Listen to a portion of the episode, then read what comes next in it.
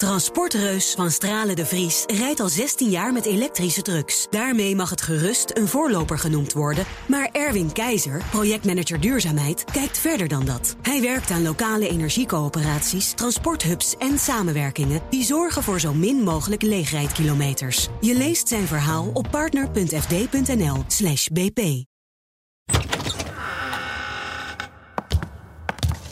Dit is Nieuwsgroep Den Haag. Met uh, Thomas van Groningen, Sophie van Leeuwen. Zelf ben ik Mark Beekhuis. Het is vandaag vrijdag 22 januari. Het kabinet is een week demissionair, Mark. Inderdaad. Vorige week hadden we het over dat de regering demissionair zou worden in deze podcast. Ja, dat is alweer een week geleden. Uh, toen waren we nog niet was nog niet helemaal zeker, maar dat was wel zo goed als zeker. En toen gingen we live. Ja. Om twee uur, half twee. De podcast was natuurlijk de podcast, maar we hebben nooit de radio gehaald met die podcast. Want tegen die tijd was er een, uh, een mededeling van de minister-president. Kort over twee, een statement. Ik ga je onderbreken, Sophie. We gaan naar de minister-president.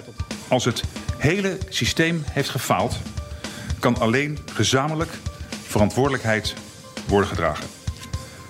En dat heeft tot de conclusie geleid dat ik zojuist de koning het ontslag heb aangeboden van het hele kabinet. Jij was erbij, Thomas. Ja. Was wel gek, want we stonden daar voor de deur. Lucky bastard weer. Bij het eh, ministerie van Algemene Zaken. En daar stond zoveel pers. Dat was niet normaal. Ook op dat moment, eh, COVID was even, bestond ook even niet meer. Er was ontzettend veel publiek ook. Uh, dagjes mensen. Dagjes mensen die even kwamen kijken. Wat ik ook best begrijp, want het is toch wel een unieke gebeurtenis, zo'n uh, zo'n val van het kabinet. En um, maar het stond, eh, eh, daar schrok ik wel een beetje van. Daar wilde ik eigenlijk nog een punt van maken. Ik dacht, het is een beetje flauw om nou mijn collega's van de parlementaire pers eh, zo onder de bus te gooien. Dus ik heb het niet. dus dat doe je later alsnog. Nou ja, nee, maar hier in deze podcast durf ik het wel aan. Ik vond dat wel een, een, een ding. Dat, het was te druk. Daar was het wel echt te druk. Weet je, we kunnen wel met z'n allen in de pers dan hele dagen punten maken over. Nou, daar houden ze zich niet aan de regels.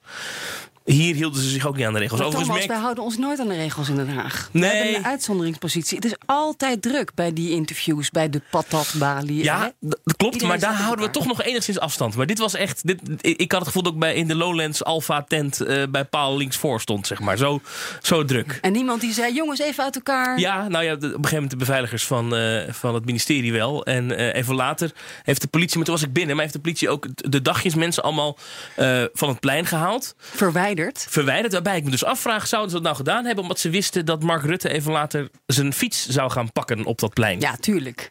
Ja. Maar eigenlijk zou je dus daar naar dat plein uh, op dit soort dagen met zo'n pak, zo'n beschermingspak aan moeten. Gewoon een soort uh, zo'n hazmat suit. En, ja. Gewoon, ja. ja, want je weet gewoon dat al je collega's veel te dichtbij komen. Nou, ik stond er ook, hè? Dus ik bedoel, ja, ik kan daarom, dat, ik gun jou ook zo'n pak. Zo'n pak met een BNR-logo erop. ja, ja, maar goed, dat was denk ik het mediamomentje van afgelopen weekend. Uh, het, het, fietsmoment van Mark Rutte. Waar de hele internationale pers het over had. Ja, briljant. Ja, heel briljant. Ja. En vervolgens gingen we demissionair, maar nou ja, en zoals, zoals afgesproken waren we eigenlijk verre van demissionair. En we hebben het ongeveer nog nooit zo druk gehad als deze week in Den Haag. ik, zei, uh, ik zei die middag nog uh, tegen Nina in uh, uitzending hier op BNR. Die vroeg mij zoiets van: ja, wat verandert er nu eigenlijk? En toen, toen wist ik even niet wat ik moest antwoorden. Ik, ja, niet zoveel eigenlijk. nou ja, maar dat, ga, dat gaan we nu de komende dagen merken. wat er allemaal controversieel verklaard wordt. En dat kan alles zijn. Daar wordt achter de schermen hard over gediscussieerd. Ook, Weten we al dingen die, die controversieel kunnen worden? Maar ik heb een paar Kamerleden gebeld. En er is bijvoorbeeld heel veel boosheid op links dat er geen meerderheid is voor um, migratie, asielbeleid, Moria. Dat is controversieel verklaard. Dus geen meerderheid voor. Is dat al dus we gaan het daar niet meer over hebben de komende tijd tijdens de formatie. Oh. Ja. Uh, tijdens de formatie tot aan de formatie. Tot aan, nou ja, dus zo zijn er nog meer onderwerpen. Maar dat kunnen ze dan toch een verkiezingsding maken? Dat is toch juist gunstig voor links? Nou, je kunt er wel over debatteren in de krant, in de media. Je kunt via ons stuk de druk opvoeren, maar dat kun je dus niet meer doen vanuit het parlement. Nee. Um, maar goed, de Kamer is dus niet demissionair. Nee, de Kamer is sowieso niet. Dit is de regering altijd uh, die demissionair is. Of ja. is het het kabinet? Want wij kregen een boos mailtje van iemand die zei: U haalt het woord kabinet en regering door elkaar. In België verschil... zeggen ze trouwens wel de regering, maar ja. wij noemen het Vol, kabinet. Volgens mij was ik het. Kijk, regering oh. en kabinet scheelt maar één persoon. Ja, de, de koning. koning. uh, dus inderdaad, de regering is niet gevallen, maar het kabinet is gevallen. Of, ja. of is demissionair gegaan. Mijn, uh, mijn welgemene excuses. Ik wist dat overigens wel. Natuurlijk wist je dat. Heeft ja. het nog zin om dat uh, toe te voegen? Ik zou het gewoon volhouden. Maakt niet uit of het ja. nee, ik wist het echt. Maar ik dacht, ja, iedereen begrijpt wat je bedoelt. Toch? Nee, dan krijg je dus mailtjes en die bespreken wij. Nee, maar heel terecht. En blijf dat vooral doen. Blijf ons uh, kritisch volgen, want dat is belangrijk. Je keek heel zorgelijk naar je telefoon. Moeten we iets eten? Nou, ja, nee. Ik ben even aan het appen met de woordvoerder van uh, Pieter Omzicht... over uh, een debat wat we volgende week hebben georganiseerd. En de vraag is hoe laat we daarmee gaan beginnen vanwege de avondklok. Ik probeer dat nu een beetje naar voren te halen. Over hoe we verder moeten na de toeslagenaffaire. Vertel eerst heel even snel wat voor debat dat is. Oh, nou, ja, goed. Het, probleem is, eh, kan je een quote van Pieter Omtzigt laten horen. er is iets heel erg mis in Den Haag met macht en tegenmacht. Ik heb onderzoek gedaan in Malta, zoals u weet. En kwam daar een staat tegen die niet functioneerde. Heel lang heb ik voor onmogelijk gehouden om een vergelijking tussen Malta en Nederland te maken. Maar bij ons functioneert iets anders niet. En dat is macht en tegenmacht. Er is hier zo'n innige band tussen het kabinet en de Tweede Kamer dat je een moeilijke vraag zet, jij het probleem bent in het kabinet. Is zo'n innige band tussen het kabinet en de pers... dat er wel vragen aan het kabinet gesteld zijn... op moedige journalisten als Jan Klein Nijhuis en Pieter Klein na... maar die 20, 30.000 ouders, wat zeg ik, 100.000... want het waren allemaal gezinnen... dat die nooit in beeld gekomen zijn in ons land. Daar is iets fundamenteels mis in ons land. Omzicht na de toeslagenaffaire. Er is over gedebatteerd deze week. En um, ik had zoiets van, samen met Nieuwsport, laten we dit oppakken. Uh, hoe moeten wij verder als Haagse pers? Wat zijn de lessen voor ons, maar ook voor de overheid... en voor die ambtenarij, misschien ook wel voor de, de, de politiek... Um, dat we niet als zo'n Haagse kliek op, met maar dat woord is niet voor niks. Dat is het woord wat Omtzigt ook gebruikte. Ja, daar worden we van beschuldigd al heel lang. Ja. En ik dacht, laten we nou eens dat, dat eens concreet oppakken. En ook met een burgerpanel erbij. Vragen van burgers via een beeldscherm. Proberen daar een soort van concrete handboekje of zo. Een handleiding uh, Oké te, op te zetten. Nou, uh, dat gaan we doen in Nieuwsport uh, aanstaande woensdag. Nou, ik had bedacht van 7 tot half 9. En vervolgens word ik helemaal plat ge geappt en gemaild door al die mensen van Nieuwsport en die mee willen doen. Ja, de avondklok. Uh, Nieuwsport wil om 8 uur dicht. kan het om 6 uur beginnen? Ja, Pieter Omtzigt is een hele drukke man. dus ja, dan moet ik even, even overleggen met, met meneer Omtzigt. Een van de hoofdpersonen. Ja, want die gaat een lezing houden. En die gaat volgens mij ook de Haagse pers flink van langs geven. Wat een gedoe. Ja, dus we krijgen een preek. En uh, die begint dus, nou ja, nu, ik hoop dus, ik ben nu aan het gokken op half, half zeven. Maar ik begrijp nu dat er toch nog een debat is. Uh, tot zeven uur. Dus ja, het was een soort van een, een koehandel. en terwijl er in de Kamer ook een koehandel was over de avondklok uh, deze week. Nou, maar dat sluit. Uh, van, hoe, moeten we, hoe, ja, hoe, hoe, laat gaan we nou uiteindelijk uh, op de bank zitten met z'n allen? Ja, negen uur is het geworden. Maar dat sluit toch aan bij dat verhaal van Pieter Omtzigt. Dat, dat was mij deze week wel echt opgevallen. Hij heeft. Maar was het toeslagendebat dinsdag aan mijn hoofd. Ja. ja. toen zei hij daar het verhaal dat er een hele innige band is tussen Kamer en kabinet. En dat er ook een innige band is tussen kabinet en pers. Nou, dan heb je een debat over die avondklok. Waarbij we vooraf weten dat een van de regeringspartijen, eh, D66, een partij die je nodig hebt om uh, een meerderheid te krijgen voor die avondklok. Ja, die, die moeten draaien. Tegen die moeten draaien, anders komt er waarschijnlijk geen avondklok. Die waren tegen. die waren tegen. De regering kan er niet over vallen, dus ze hadden het niet hoeven doen. Nee, dat zei Rutte ook nog. Hè. Jullie kunnen me niet naar huis sturen. Ik heb eigenlijk meer macht. Kijk, u kunt ons niet meer wegsturen als kabinet. Dus strikt genomen uh, hebben we nu meer macht dan voor vorige week vrijdag. Zou je gek genoeg kunnen zeggen. Nee, ik ben even flauw aan het doen. Maar op die avondklok niet. Op die avondklok moet de Kamer ook instemmen. En ik ben een beetje aan het doordenken. Uh, de opmerking dat een dimissionair kabinet meer macht heeft. Nee, Dat is niet waar. Nee, nee, nee. nee, nee. Ze, ze, kunnen ons niet meer wegsturen. Ja. Nee, niet twee keer. Dat, uh, dat is Voorzitter, ik wil de minister-president ja. waarschuwen. Wel persoonlijk, dat is waar. De individuele bewindslieden zijn nog steeds uh, weg te sturen. Nee, nee, ik, ik, neem deze opmerking dus De kans is juist groter dat de individuele bewindslieden slachtoffer worden. Ja, precies. Nee, maar alle gekheid. Maar maak je wel. Nou, en dan, dan, dus dan hebben we die opmerking van omzicht gehad. Dan hebben we dat debat. En dan wordt er openlijk gesproken over die avondklok. En dan legt eh, D66 allerlei bezwaren op tafel.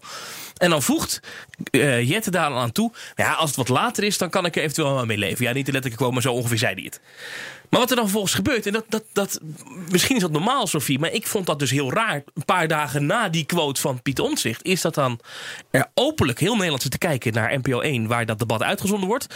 Daar wordt gedebatteerd. Achter de schermen vervolgens, dat zien we niet, wordt er een motie voorbereid Dus door, door regeringspartijen en, en, en, en dus ook D66 erbij. En met steun van de oppositie, Ja. de linkse oppositie. Dat gebeurt in de achterkamer, per WhatsApp, per telefoon, weet je, dat, dat kunnen we niet meekijken. En daar wordt in één keer bekokstoofd, we doen 9 uur. En dan zijn we het wel eens met 9 uur. Waardoor eigenlijk openlijk Jette niet één keer heeft hoeven verantwoorden waarom die 9 uur nou in die kamer, waarom die dat nou wel goed vindt. En dat daar nooit een, een, een open debat over is geweest. Ja. Dat is toch gek? Of ben ik nou gek? Ja, en dat, er was ook eh, eh, grote kritiek van natuurlijk Geert Wilders, hè, eigenlijk de oppositieleider eh, de- in deze tijden. En die vond het allemaal politieke spelletjes hè, en koehandel. En dat zal ook nog eens uitgeruild zijn tegen het vliegverbod.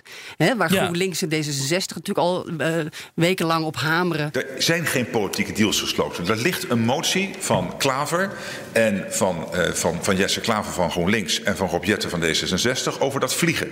De motie hebben we bekeken, we hebben gezien kan dat en we zijn tot de conclusie gekomen ja dat kan. Dan voer ik zo'n motie uit. Dan voeren we zo'n motie uit van de Kamer als dat technisch mogelijk is. De heer Wilders.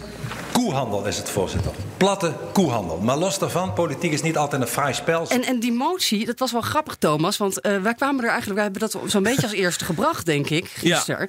Eh, omdat ik Esther Ouwehand van de Partij van de Dieren tegenkwam in de wandelgang bij ons. We hebben zo'n eh, studio met een, met een gangetje met een paar studio's waar eigenlijk verder niemand is.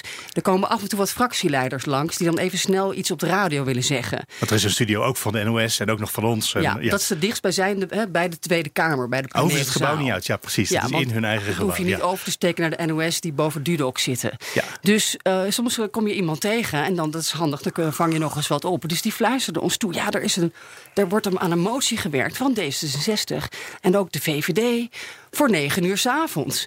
En dat was toen eigenlijk in, publiekelijk nog helemaal niet duidelijk. In het debat is, is 9 uur eh, in die zin nooit gevallen.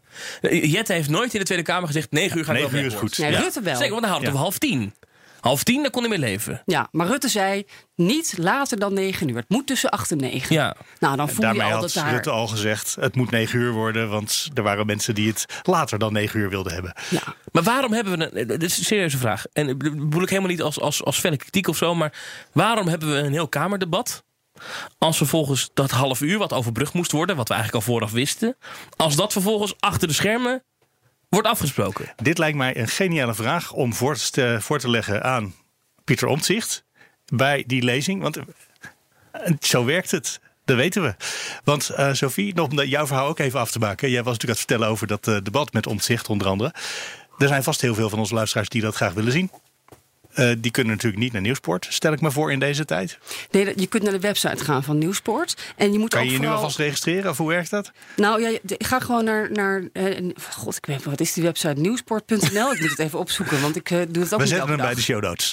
Dat komt goed. En, ja, nieuwsport.nl. En dan kun je gewoon live meekijken, waarschijnlijk op een YouTube-kanaal. En, maar ook graag dus je vragen sturen met de hashtag politiek En- spreekuur. Dat is de hashtag. En die gaan we ook later nog gebruiken dit jaar. Want we gaan gewoon vaker een spreekuur doen. Ook omdat we dit soort vragen van, van publiek of burgers wel willen meenemen in de Haagse bubbel. Ook om, om, onszelf, een beetje, om onszelf een beetje scherp te houden. Maar we kunnen dus ook zelf proberen om die vraag te beantwoorden, wel, Thomas. Kijk, eh, Rutte heeft natuurlijk in die persconferentie waar jij ook bij, bij zat met je briljante vragen over de talkshows. Misschien moeten we die ook even laten horen. Oké, BNR. En dan aansluitend AD en daarop volgend Telegraaf. Ja, meneer Rutte, hoorde ik u nou goed zeggen dat het overtreden van de avondklok een misdrijf is? Nee. Oh, Nee, maar het is een misdrijf als je de formulieren vervalst. Eh, Ah. Dus als je vals en geschriften pleegt. Maar eh, als je op straat bent zonder zo'n formulier, zonder argument... dan is dat eh, een zaak die... is een bekeuring van 95 euro. dat is een overtreding dan, dus geen strafblad. Nee. Oké, helder. Het uitlaten van de hond ontbreekt op de lijst met uitzonderingen. Waarom? Ik heb het net genoemd. Het uitlaten van de hond is een uitzondering. Oh, wel. Aangelijnd. Oh, aangeleid. En niet steeds dezelfde hond, want dan slaapt hij niet. Dus, eh, Maar dan krijg je het begrip leenhond, hebben we de afgelopen dagen voorbij horen komen. En dat is precies mijn oproep. Willen wij met z'n allen dat virus bestrijden, dan kun je natuurlijk altijd denken: oh, die Rutte en de Jonge hebben iets bedacht met het kabinet. Hoe kunnen we daar nou handig mee omgaan? En misschien dat een paar procent van Nederland daar dat ook leuk vindt. Het overgrote deel van Nederland overigens doet dat niet. Die probeert zich echt ook te houden aan die maatregelen om met z'n allen dat virus te bestrijden. Dus ook hier geldt, eh, als je die hond dan in de hele familie gaat zitten doorgeven, zodat iedereen tot diep in de nacht naar buiten kan. Ja, dan weet je, dat, dat kan ik ook niet voorkomen. Maar dat is natuurlijk ongelooflijk stom. Dus dat moet je niet doen. Nee. Uh, er is op sociale media wat hilariteit ontstaan over de uitzondering voor talkshows. Want die wordt genoemd in het uh, OMT-advies. Uh, waarom is dat? Voor de heer Gommers, zodat hij naar de programma's gaat. Ja, nee, maar gaat u zelf bijvoorbeeld nog wel bij talkshows zitten? Ja, ik, zit er, ik ben er het hele vorig jaar één keer geweest. in de zomer, bij Op 1. Meneer De Jonge, u tijdens de avondklok? Heer Rutte voert nog geen campagne overigens. Uh, nee, u ook niet, geloof ik. Maar uh, gaat u wel aan tafel Ik hoef dat niet meer te doen. Nee, serieuze vraag. Gaat u tijdens de avondklok wel aan tafel zitten bij zoiets? Nou, dat is een goede vraag. Er zijn ook andere mogelijkheden om, om de boodschap over te brengen. Dus ik, ik, denk eerlijk gezegd dat het voor mij niet passend is om dat te doen bij een uh, avondklok. Nee. Maar kunt u uitleggen, meneer, waarom zij dan het is zo gek, je wil, Nederland moet binnenblijven en zij dan niet. Nou, weet je wat natuurlijk heel belangrijk is voor Nederland? Die, de, uh, we maken een grapje over, maar uh, Nieuwsuur, uh, Op 1, Jinek, Hart van Nederland... al die programma's zijn ontzettend belangrijk als... en natuurlijk de journaals en RTL Nieuws. Nou, nou als ik iemand vergeet nu, één vandaag... dan heb ik ruzie met iemand. dat is niet handig als de campagne eraan komt inderdaad. Dus, maar het is ontzettend belangrijk voor informatieoverdracht. Mensen zijn, dat merk je gewoon. Je ziet ook oplaas van kranten stijgen, kijkcijfers stijgen mensen zijn natuurlijk heel erg bezig ook met wat gebeurt er allemaal. En, en wat zijn de maatregelen, wat zijn de discussies erover. Dat is ontzettend waardevol. En ik maak een grapje over Diederik Gommers. Maar de aanwezigheid van deskundigen in die programma's is natuurlijk ook ontzettend belangrijk. Dus dat willen we mogelijk blijven maken. Wij hebben zelf als kabinet gezegd, wij zullen daar heel terughoudend in zijn uh, in die fase dat die avondklok er is. Je kunt ook inbellen, je kunt je smiddags laten filmen even als je je willen hebben. Je hoeft niet per se aan tafel te zitten. Maar als het moet, en dat zou een keer voor Hugo de Jonge kunnen zijn... omdat hij natuurlijk ook minister is op dit terrein... dat ze zeggen, we willen echt eens even wat langer met je doorpraten. Ja, dan vind ik ook dat dat verstandig is. En in de avond vergaderen, dat blijft u wel doen? Ja, ik, ik wat mij betreft zo min mogelijk. De Tweede Kamer, uh, als ik vergader s'avonds nu, is dat om twee redenen. Dan is dat ofwel omdat de Kamervergaderingen de avond doorlopen. Dus ik denk dat de Kamer ook zal gaan kijken, hoe gaan we hiermee om? Dat is mijn overtuiging. Uh, het tweede is, als er een Europese raad is, via zo'n videoschakeling...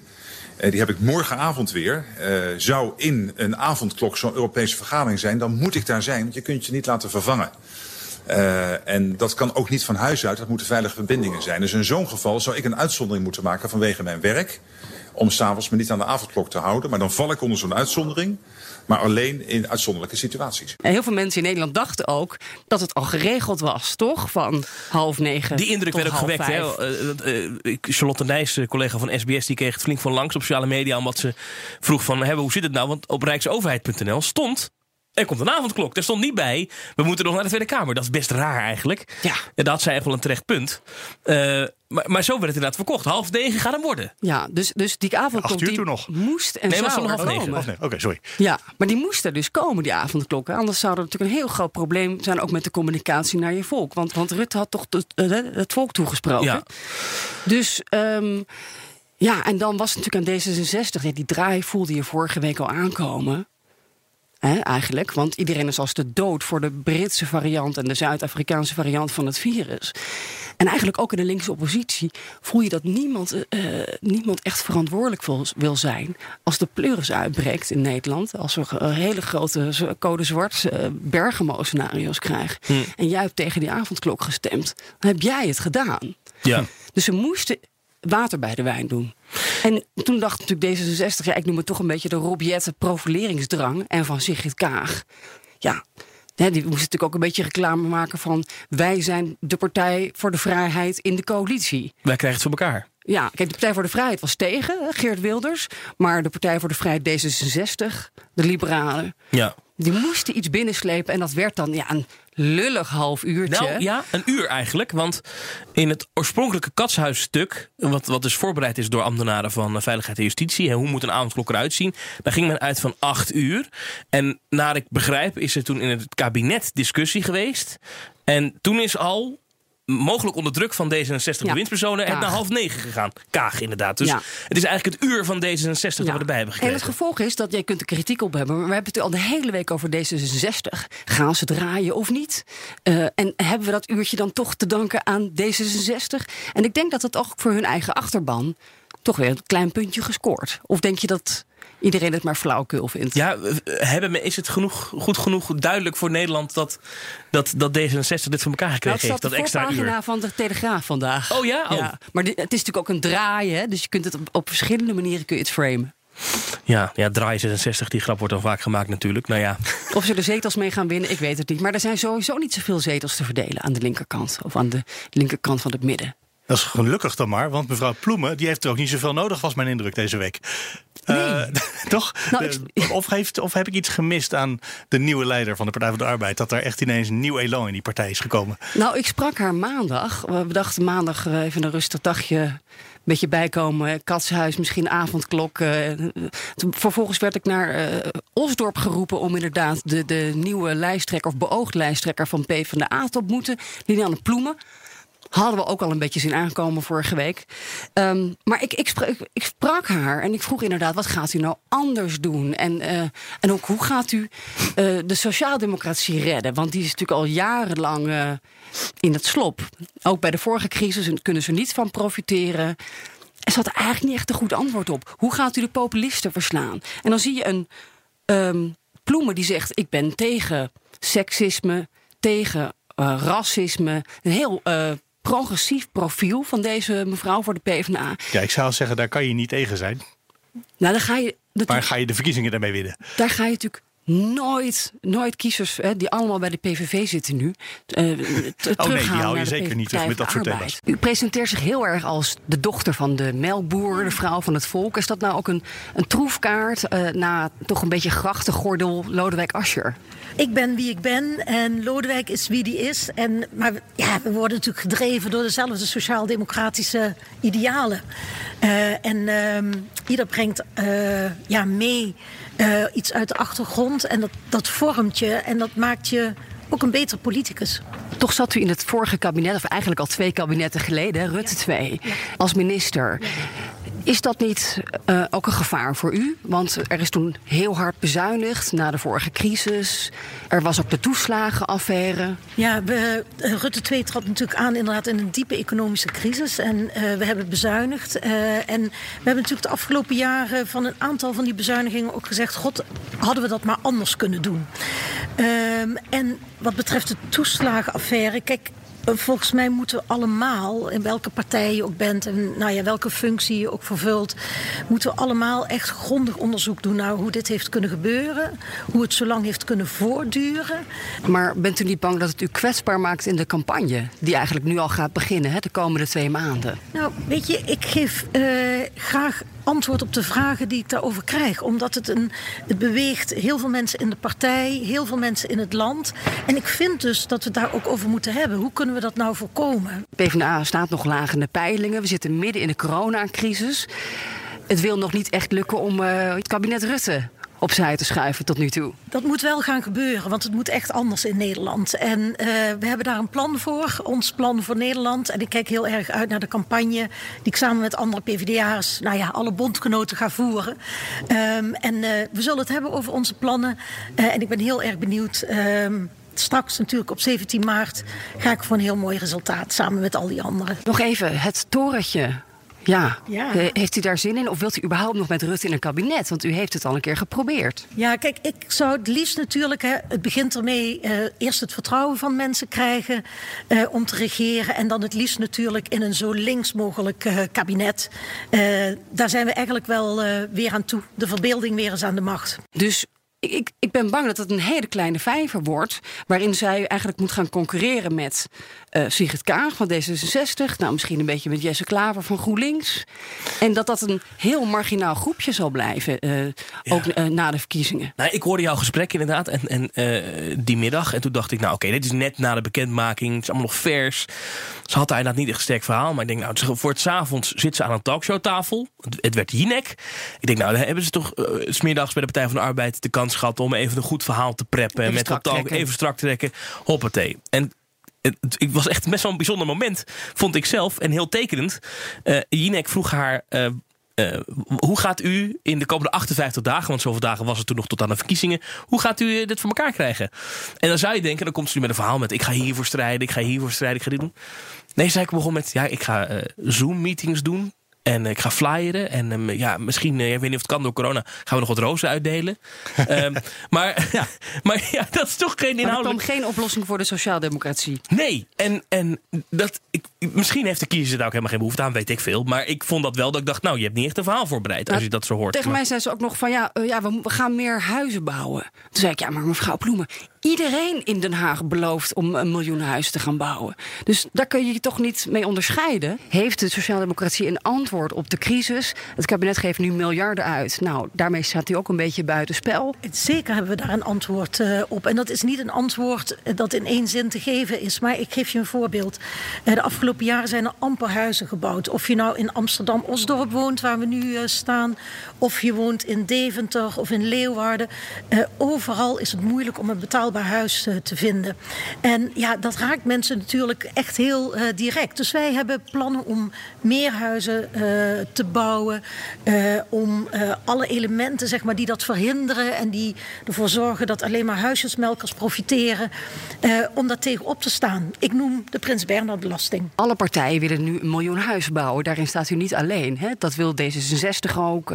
De SP, denk ik. Dus ja, wat gaat u dan anders of beter doen? Nou, ik nodig ze allemaal van harte uh, uit om uh, samen met de Partij van de Arbeid een beter plan voor de woningmarkt uh, te presenteren.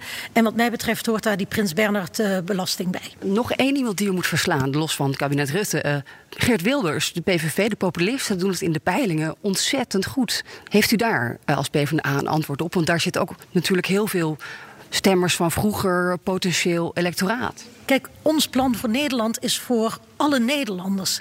Is ook voor de mensen die denken.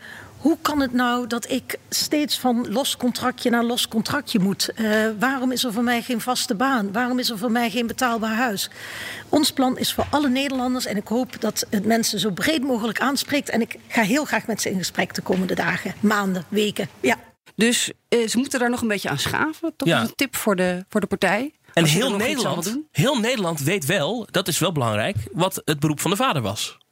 Ja, de melkboer. Ja, het wordt ooit een, ooit een, een, een vraag in de slimste mens, denk ik. Elke pubquiz uh, komt dit voorbij. Wat, wat, deed de vader van Liliane Ploemen? Dochter ja. van de melkboer. Ja. Ik zag ook van uh, Lilian Marijnis uh, dat de Lilianisering van de Nederlandse politiek goed op schema ligt. Ja, een goede grap. Dat vind ja, ik echt een ongelooflijk goede grap. Ja, precies. Je had trouwens nog een scoopje volgens mij gisteren, Sophie.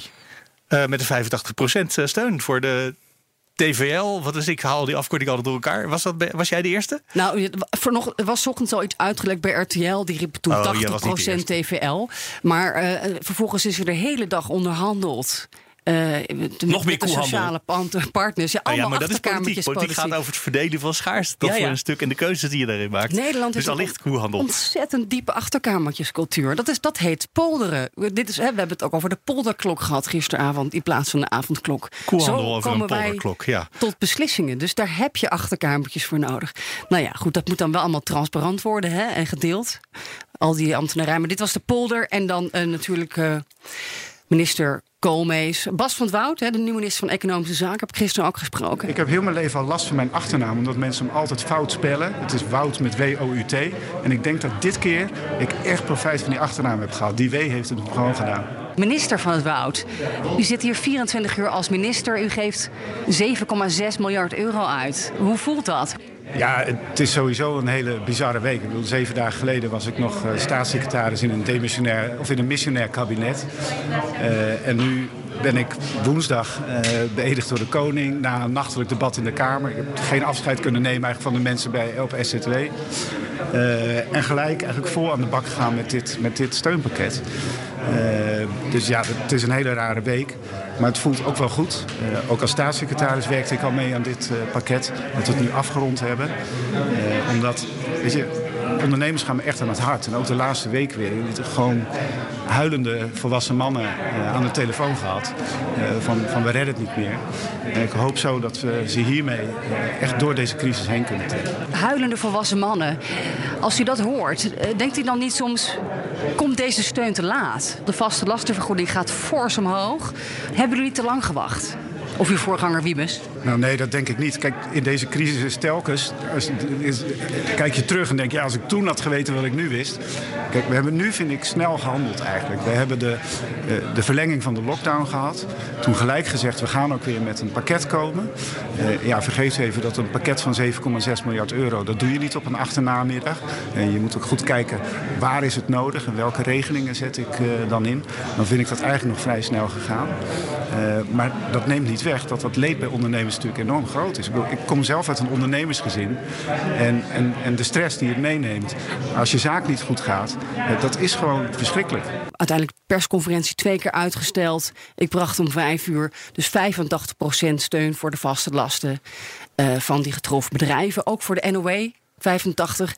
En een hele grote zak geld.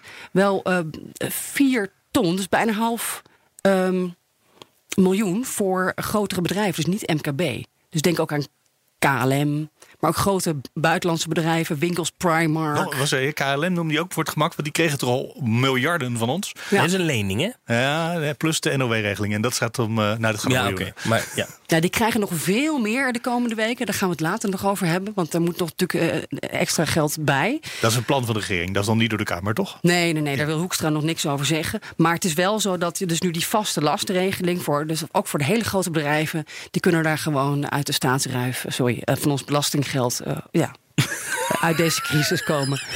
Sorry. Maar het is heel belangrijk. Dat die, nee, maar, het zijn twee frames die je daar gebruikt. Nou, Als je ze allebei ik, zegt, dan is het terug. neutraal. Ja, ik neem ze heel terug. mooi. Het is natuurlijk heel belangrijk dat die bedrijven uh, dat die steun krijgen. Want daar zit natuurlijk een groot probleem. Maar die TVL, die laatste 15%, waarom is die niet overbrugbaar? Dat snap ik niet zo goed. Dus je sluit iemand zijn toko. En dan zeg je, we betalen 85% van jouw vaste lasten. Waarom nou niet 100? Maar daarvan heeft Wiebes eerder gezegd, een van de architecten van natuurlijk die steunpakketten. Waar, ja, zet, je, zet je kachel maar wat lager. En ga onderhandelen met, met je verhuurder. Want hij vindt ook dat er op die huurdersmarkt, natuurlijk met hè, topprijzen, Kalverstraat, waarschijnlijk 20.000 ja. euro per maand. Daar, daar, kan natuurlijk niet zo blijven. Dus daar moet een correctie plaatsvinden. Nee. Ook uh, aan de kant van uh, bijvoorbeeld die, de, de pandjesbazen. Maar goed, we zijn in een ruime maand tijd zijn we van 50% naar 85% gegaan. Ja. Uh, dat is meer dan de helft erbij. Dus die lobby is goed gegaan. Dus die lobby is goed. Ja. Als het nog langer gaat duren, dan gaan we nog die 90% ook wel halen ja, misschien. Ingrid Thijssen trouwens, hè, dus dat is de nieuwe bazin van VNO-NCW. Die heeft goed uh, uitonderhandeld. Uh, opvolger van Hans de Boer. Die ook deze week is overleden trouwens. Dat was ja. ook nog een beetje een shock in Den Haag. En dat is de man die uh, voortdurend druk aan het sms'en is met Mark Rutte over uh, meer steun voor bedrijven. Die ja, lobby net dus. met pensioen meteen overleden. Ja, ja. ja sneu. heel treurig. En um, ja, Bas van Woud natuurlijk. Ik vroeg hem, sprak hem gisteren nog eventjes van...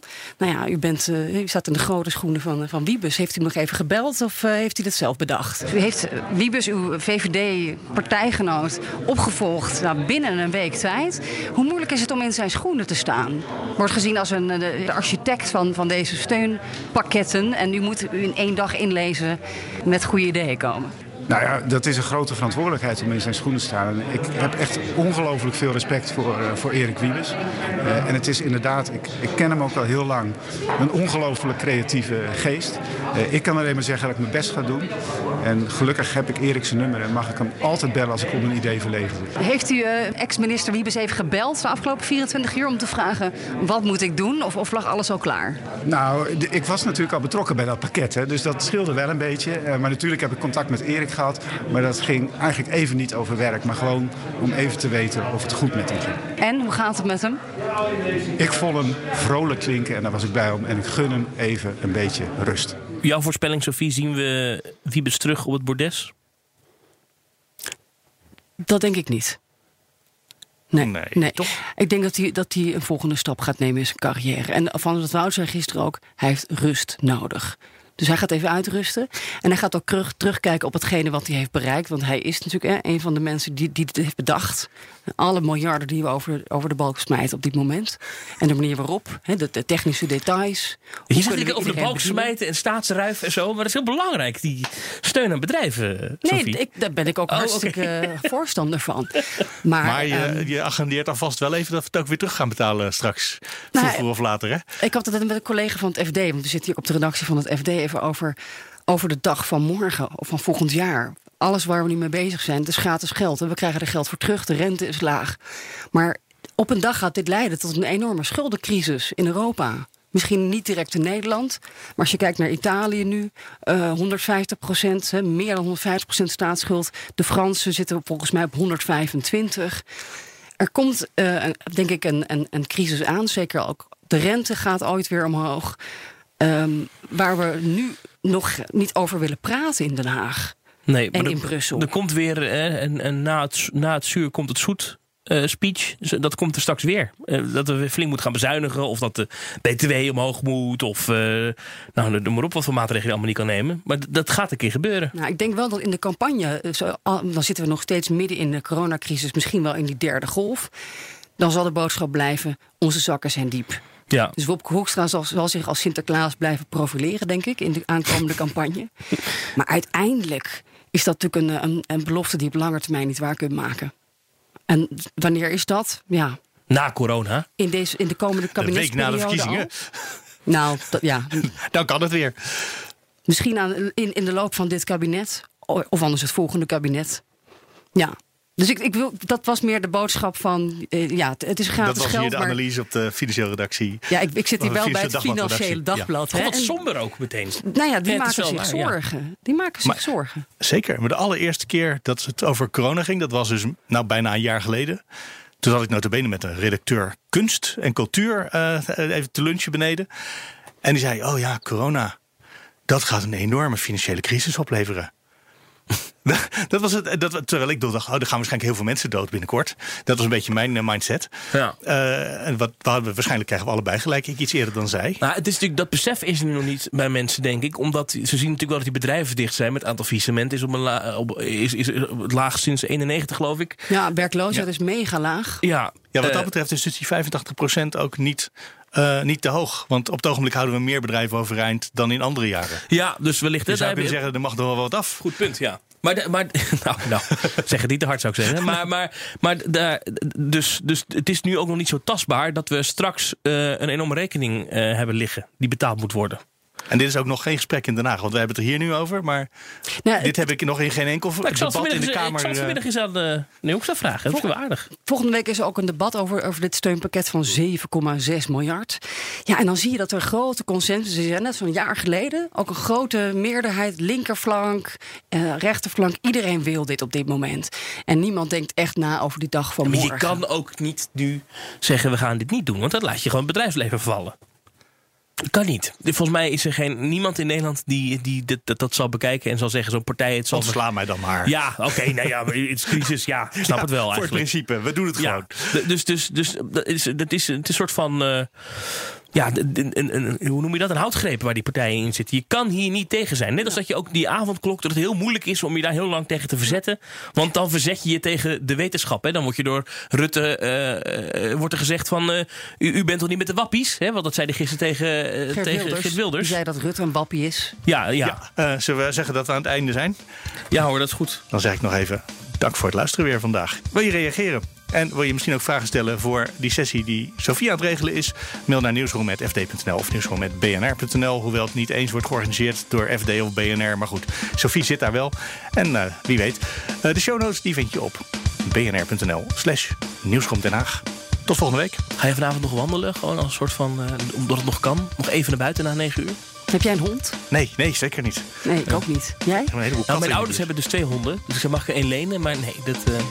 Het schijnt dat er anderhalf miljoen honden in Nederland wonen. Ik woon naast een park, dus het wordt echt ontzettend druk, denk ik, bij mij in de straat. Je moet denk ik het bewijs van de hondenbelasting meenemen. Nee hoor, nee. Het worden lekker knusse tijden.